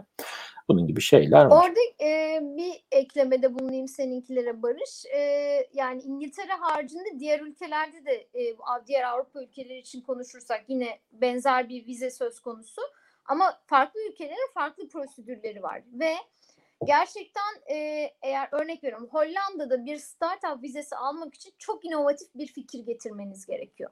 Yani sizi orada e, işte bütün izinlerinizi vermeleri, sizi orada var etmeleri için onlara ciddi bir sebep vermeniz gerekiyor. Örnek veriyorum işte ben tekerleği keşfettim diyerek Hollanda'da vize alamazsınız. Dolayısıyla gerçekten çok inovatif bir fikrinizin olması gerekiyor. Bu inovatif fikri doğru bir iş planıyla desteklemiş olmanız gerekiyor. Yani benim fikrim varla da gidemiyorsunuz. Doğru bir iş planı koymanız gerekiyor. Danışmanlarla oturuyorsunuz, günlerce çalışıyorsunuz, sonra bir kurula giriyorsunuz. Bu kurul değerlendiriyor. Bunu bir yıllık işte bir gelir gider dengesi çıkarıyorsunuz vesaire. Bunlar bunların hep bütün prosedürleri e, farklı ülkelerde farklı şekillerde işleyebiliyor. E, ama yine söylüyorum hani gerçekten inovatif bir fikriniz olması gerekiyor. E, ya da buraya gelip e, bunu sonradan yaptığınızda e, yine biraz önce söylediğim konu eğer doğru kaynaklara sahip değilseniz yani Barış'ın da söylediği gibi işte bu para olabilir, partnerler olabilir vesaire yine çok zorlanırsınız. Ee, ek olarak onu belirtmek isterim. Okey.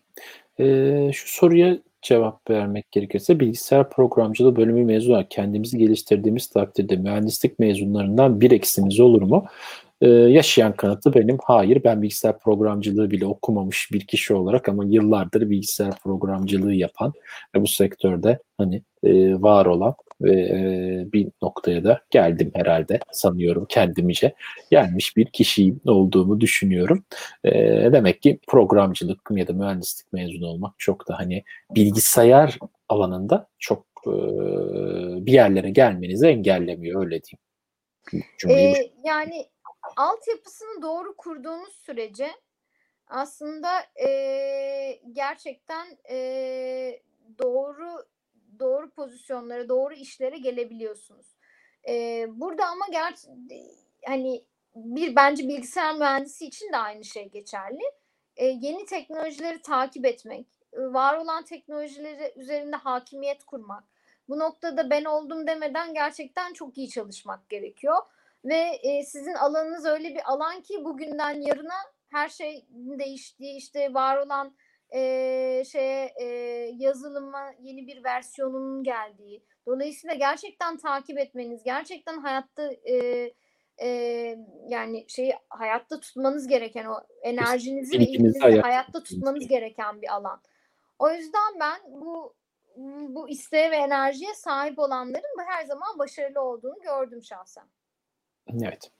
Peki AB üyesi ülkeler diğer AB ülkelerinden gelen çalışanlara kendi vatandaşlarıyla aynı şartlarda sağlık sigortası şartları sunuyorlar mı? Ee, İngiltere özelinde evet. Onu cevaplayayım ben. Evet. Diğerleri özelinde de evet. Çünkü siz e, yani şimdi Türkiye'de tabii bu konu biraz daha farklı olduğu için bu soru geliyor ama Avrupa'da bu nokta biraz daha standart yani Amerika'da da böyle değil mesela. Ee, burada zaten sizin bir residency almaya oturum hakkı alabilmeniz için e, birçok Avrupa ülkesinde e, bunu açıklıkla söyleyebilirim. E, geldiğiniz zaman sosyal sigortanızı hemen yaptırmanız gerekiyor. Bu zaten e, diğer e, AB ülkesinden de gelse, Türkiye'den de gelse herkes için zorunlu ortak koşul. Yani bu ülkede yaşamanın koşulu. E, İsviçre için konuşmuyorum bu arada. E, Birçok Avrupa ülkesi için açıkça evet. Evet. Peki. Bunu da siz ödüyorsunuz bu arada. evet. Ee, bir soru var ama bu sorunun cevabını sanıyorum ikimiz de biliyoruz. İşe alım konusunda Türkiye mi detaycı davranıyor yoksa yurt dışı firmaları mı? Evet, senin hangisi? Detaycı davranıyor. Yani öyle bir ayrım yapamayacağım Barış açıkçası. Ee... Ben biraz daha Avrupa derdim aslında buna. Şöyle şimdi Türkiye'de gerçekten işe alım konusunu çok ciddi ciddiye alan ve gerçekten çok doğru adayları seçmek için e, ciddi, ciddi çalışan firmalar var. O yüzden onların hakkını yemek istemediğim için hayır demiyorum. Benim de gerçekten bu noktada çok takdir ettiğim müşterilerim var hala Türkiye'de. Ee, ama şimdi e, Türkiye'de öyle gözükmüyor olmasının sebebi biraz daha aday sayısının da farklı şey e, yüksek olması işin açıkçası. Biz Türkiye'de biraz daha kolay eleyebiliyoruz adayları. biraz belki ee, onun avantajı evet. Evet, yani doğru. algı olarak bunu söyleyebilirim. Şimdi sizin Türkiye'de bir pozisyon için uygun olabilecek yani size gerçekten birazcık şaşıracağınız rakamlarla konuşayım. Ortalama bir ilan çıktığınızda minimum 300 ile 500 arasında şey alıyorsunuz, başvuru alıyorsunuz. En vasat pozisyonunuzda bile. Şimdi Avrupa'da bu iş böyle değil. Avrupa'da e, bazen bir ilan çıktığınızda gerçekten yüzü bulmuyor bu rakamlar. İşte siz bazen 70, 80, 90 kişiyle e, ilanı kapatıyorsunuz ve doğru kriterler içerisinde de 5-10 kişiyi bulamayabiliyorsunuz. Ama Türkiye'de böyle, böyle değil. 300-500 tane kişi başvurmuş ve bunlardan bazen 50 tanesi neredeyse hani çok spesifik kriterler aramıyorsanız veya çok yüksek deneyimler aramıyorsanız uygun olabiliyor ve siz kriterlerinizi gitgide arttırmaya başlıyorsunuz. Ee, ama dediğim gibi Avrupa'da sayı her zaman sayı biraz daha düşük ee, başvuru sayısı yani nüfustan da kaynaklı. Şimdi 100 milyonluk ülkeye karşılık örnek veriyorum İsviçre. İsviçre'de 8 milyon ülke var yani e, ben Türkiye'de Ataşehir'de yaşadım büyük ihtimal Ataşehir 8 milyon yani. yani. E, bununla kıyasladığınızda tabii ki oransal olarak o bakış açıları da değişiyor, prosedür de değişiyor. Ee, yani o detaycılık ondan kaynaklı. Şimdi siz Türkiye'de işe alımda bir süreçte bir pozisyonda en azından e, 10-20 kişiyi e, sürece alırken e, Avrupa'da bir pozisyonda yani tam süreçten bahsediyorum A'dan Z'ye e, Avrupa'da bir pozisyonda 2-3 kişiden bahsediyor olabiliyoruz. Maksimum 5 kişiden. E, o yüzden tabii orta taraftaki detaycılığı arttırabiliyor. işte özeni arttırabiliyor belki. E, veya e, yani sürecin katmanlarını da arttırabiliyor ve öyle sound ediyor olabilir ama e, Türkiye'de biraz daha reka, rekabet mi diyeyim artık e, aday çokluğu mu buna bu şekilde yansıyor. Aynen öyle. Bir de Türkiye'de işe başvururken şu da var. Biz de çok ilan çıktığımız için biliyorum. Hani ilanı çıkıyoruz. Ya ben bu ilana başvurayım da hani ilana uymuyor ama ilana başvurun hani dursun benim CV'mi de görsünler. Belki başka bir pozisyona koyarlar falan gibi başvurular olabiliyor. Ee, o yorucu oluyor. Yani mümkün evet. olduğunca lütfen yapmayın bunu. Sizle alakalı değilse başvurmayın diyerek e, bağlayayım bunu. Son sorumuz olsun istersen. Bayağı süremizi tamam. de açtık çünkü. E, İngilizce konusunda özgüven problemimizi nasıl aşabiliriz? Uçak mühendisiyim, İTİ mezunuyum. Elbette İngilizce biliyorum ancak çok fazla gerildiğim için başvuru yapmak bile korkutuyor beni demiş arkadaşımız. E, nasıl bir özgüven yaşatabiliriz. E, Merve bu Türkiye'de birçok insanın problemi sadece senin değil. E, çünkü pratik eksikliğinden kaynaklı. İşin açıkçası e, çok haklısın. Yani e, çekiniyorsun, hata yapmaktan korkuyorsun büyük ihtimalle. Senin gibi çok fazla insan var. E, ben özellikle yurt dışına gitmeye karar veren adaylara bu noktada gerçekten İngilizce pratiğine çalışmalarını çok çok şiddetle tavsiye ediyorum. Evde İngilizce bilen biri varsa e, başlayın ufak ufak konuşmaya. Bazen hani komik de geliyor olabilir ama hayır. Bunu ciddiye alın. Gerçekten yapın. E, kendi içinizde diyaloglar oluşturun. Eğer imkanınız varsa ben Preply gibi, e, Cambly gibi e, Skype üzerinden yabancılarla iletişim kurabileceğiniz platformları çok öneriyorum. Bu Kesinlikle konuda çok, o çok önemli. E, e, çok gelişme kaydeden adaylarım oldu. E, yani hiç konuşamıyordan 2-3 e, ay sonra e, İngilizce bir mülakata gidip e, teklif alma aşamasına gelen adaylarım oldu bu vesilelerle. E, Cambly biraz daha profesyonel olarak bu işi yapıyor. Daha, o anlamda ücreti biraz daha farklı ama e, Preply ya da Italki e, bunların e, diğer versiyonları benim e, bildiğim ve sevdiğim, takip ettiğim Orada biraz daha hani öğrenciler olabilir e, para kazanma amacı amaçlı. Dolayısıyla saati 5 euroya 5-6 dolara bile e, ders alabildiğiniz insanlar olabiliyor. Sadece sohbet ediyorsunuz yani hani gramer almak değilse derdiniz onu söyleyeyim. E, ama yani temelden bir grameri tabii ki bir hocanın öğretmesini her zaman ben şiddetli tavsiye ederim. Ama eğer sohbetse derdiniz yani kendimi aşayım ve çekingenliğimi atayım diyorsanız eğer evet bu tarz platformlar gerçekten sizin için çok faydalı olacaktır. Ben sana şöyle ben şu bu soruya şöyle bir cevap vereyim kendi deneyimlerinden. Life in the UK ve Driving License sınavlarına çalışırken İngiltere'de mobil uygulamalar üzerinden böyle hani soru geliyor, cevaplıyoruz, soru geliyor, cevaplıyoruz. Ve belli bir noktadan sonra atıyorum 30 soru varsa bir sınavda İlk başta 10'unu doğru cevaplıyorsun. Sonra 15'ini. Biraz daha çözdükçe çözdükçe 3-5 gün geçtikçe 20'lere 25'lere oluyor. Ve en sonunda diyorsun ki atıyorum 30 sorunun 28'ini 10 son 10 e, girdiğin testte 30 sorunun 27'sini 28'ini doğru cevaplarsan ben oldum diyorsun. İşte arkadaşımıza benim buradaki önerim de şu. E, eğer bu Camply gibi bilmem ne uygulamalarından 10 kişiyle falan görüşse 10 kişinin onun da da çok rahat görüştüğünü görüyorsa o zaman hiçbir İngilizce problemi yoktur. Ama takılıyorsa, zorlanıyorsa, sıkıntı yaşıyorsa demek ki problemi vardır. Bu çok basit bir test. 10 kişi, 5 kişi hatta yani belki de. Hı hı. Hadi 5 kişi olsun. 5 kişi çok rahat konuşuyorsa sorun yok. Zorlanıyorsa sorun var. Yani direkt açıkça bu şekilde bir test yapabilir kendine. Ve bir de Rana Hanım'dan bir e, şey gelmiş, soru gelmiş. Alkım Hanım, Türkiye'ye dönmeyi düşünüyor musunuz demiş Rana. Bizim ortak bir arkadaşımız Rana. Rana Trikli bir e, soru sormuş. Evet, ama benim de takipçim var. Benim de ta bana da sormuşlar lütfen, lütfen. ya ya. Ya demek ki Türkiye'de bekleyenlerimiz, sevenlerimiz Türkiye var. güzel, kebap kebap seviyoruz. Türkiye rakı kebap güzel şeklinde konuyu öyle. Evet. Evet peki son hadi bir tane daha soru olsun. buradan Rana Hanım'a da. Deminkine son demiştim ama şu soru çok mantıklı geldi. Yurt dışında ilanlarda maaş bilgisi açıkken Türkiye'de neden hep iş ilanlara maaş, iş arayanlara maaş bilgisi soruluyor? Bir fikrim var mı diye son sorum olsun. Bununla da kapatalım artık. Şimdi e, işin açıkçası burada biraz da Euro TL dengesine bakmak lazım Barış. E, biliyorsunuz şimdi bu aralıklar e, çok daha net e, şeyde yurt dışında e, ve daha daha küçük aralıklardan, daha dar aralıklardan bahsediyoruz. Ama Türkiye'de bu aralıklar daha geniş. Yani bir pozisyonun aralığı şimdi örnek vermek için konuşuyorum. Şimdi e, siz Almanya'da bir iş, bir pozisyondan bahsediyorsanız eğer burada e, işte 2500 Euro'dan başlar.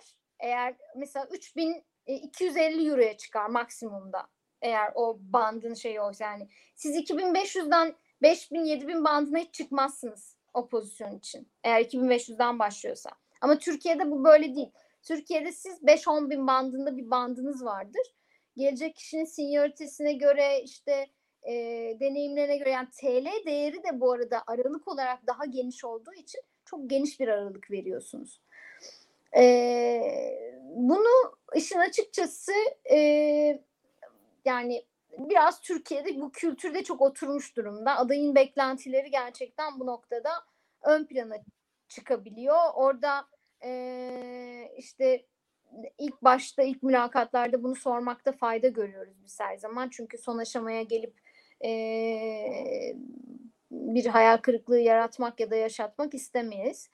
E, temel sebeplerini ben böyle görüyorum. Biraz da dediğim gibi yine kültürel e, yani şirket sayısının çok fazla olması kurumsal kadar kurumsal olmayan şirketin de çok çok fazla olmasından da kaynaklı. Kurumsal olmayan şirketler tabii ki kendi bütçelerine e, daha uygun adayları çalıştırmaya daha eğimli olabiliyorlar. Kurumsal şirketler ise de, yani daha net gidiyorlar. Yani benim diyor böyle bir bandım var. e, bu bant aralığında bir aday bakacağım diyor. Ama mesela kurumsal olmayan bir şirkette çok beğendiği bir adaya düşündüğü ücretin üstünü de verebiliyor bazen. Çok değişken yani ama Avrupa böyle değil. Avrupa'da siz e, 2500-3000 bandındaki bir pozisyonu 5000'e çekemezsiniz. Yani 5000'lik adayı zaten CV'den reddederler. Bu bizim adayımız değil derler. Ama Türkiye'de böyle değil. Türkiye'de bir, bir görüşelim diyebilirler. Bu Doğru. e, çok şirketten şirkete de değişiyor. Doğru. Doğru. Peki o zaman eee, bu son sorumuzdu dediğim gibi. Çok teşekkür ederiz sana. Ben Geldiğin teşekkür ediyorum. Çok keyifli bir sohbetti. Vallahi böyle çok da güzel oldu. Seni de bayağıdır görmüyordum. Ya biz Aynen. herhalde bir on- 15-16 yıl oldu mu tanışalı? O- 13 Tabii, yıl vardır tabii, var kafadan en kötü yani. Eee, evet bayağıdır görüşmüyorduk da seninle. iyi oldu. Aynen, Eee, aynen. gerçekten harika da bir sohbet oldu. Çok Katılan teşekkür herkese de ben ayrıca teşekkür ediyorum. Çok keyifli sorulardı gerçekten. Gerçekten öyle. Gerçekten öyle.